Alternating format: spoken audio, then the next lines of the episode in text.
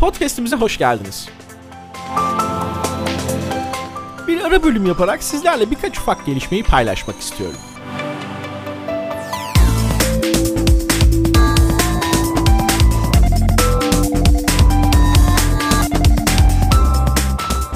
Başlayalı henüz kısa bir süre olmasına rağmen gerçekten pek çok kişiye eriştik. Bu açıdan podcast'i dinleyen, vakit ayıran ve çevresiyle paylaşan herkese çok teşekkür etmek istiyorum.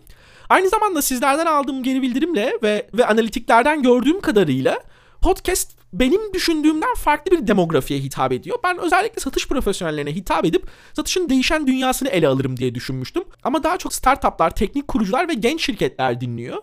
Buna çok memnun oldum çünkü daha derin konulara girmeden önce biraz basitten başlamıştım ve aldığım geri bildirimler çok pozitif. Hem yazanlar oldu, abi tam yatırımcı satış stratejisi istediğinde ilaç gibi geldi vesaire gibi geri bildirimler oldu. Ee, hem de e, web analitiklerinden gördüğüm kadarıyla e, paylaşım e, oranları da çok güzel. Bütün bunları dikkate alarak da bir küçük isim değişikliğine gitmek istedim. Satış profesyonellerine hitap eden satışın değişen yüzü, yeni dünyası 3.0 yerine satış 101'e dönmek istedim. Çünkü satışın çok temel kavramları oturmadan belki de benim tanımladığım ve erişmek istediğim satış profesyonelleri diye bir komünite zaten var olmayacak.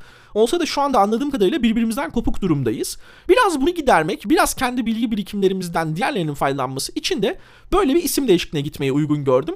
Artık iş geliştirme ve satış 101 olarak biraz daha basit konseptlerle, biraz daha satışın temeliyle ve doğrudan hemen sahada uygulanabileceğiniz küçük önerilerle beraber podcast'imizin bundan sonraki bölümlerine devam edeceğiz. Ee, bunları derleyip bir e-book olarak da sunmayı planlıyorum. Onu sonra konuşuruz zaten. Tekrardan vakit ayırdığınız için çok teşekkür ederim. Bir sonraki bölümde görüşmek üzere.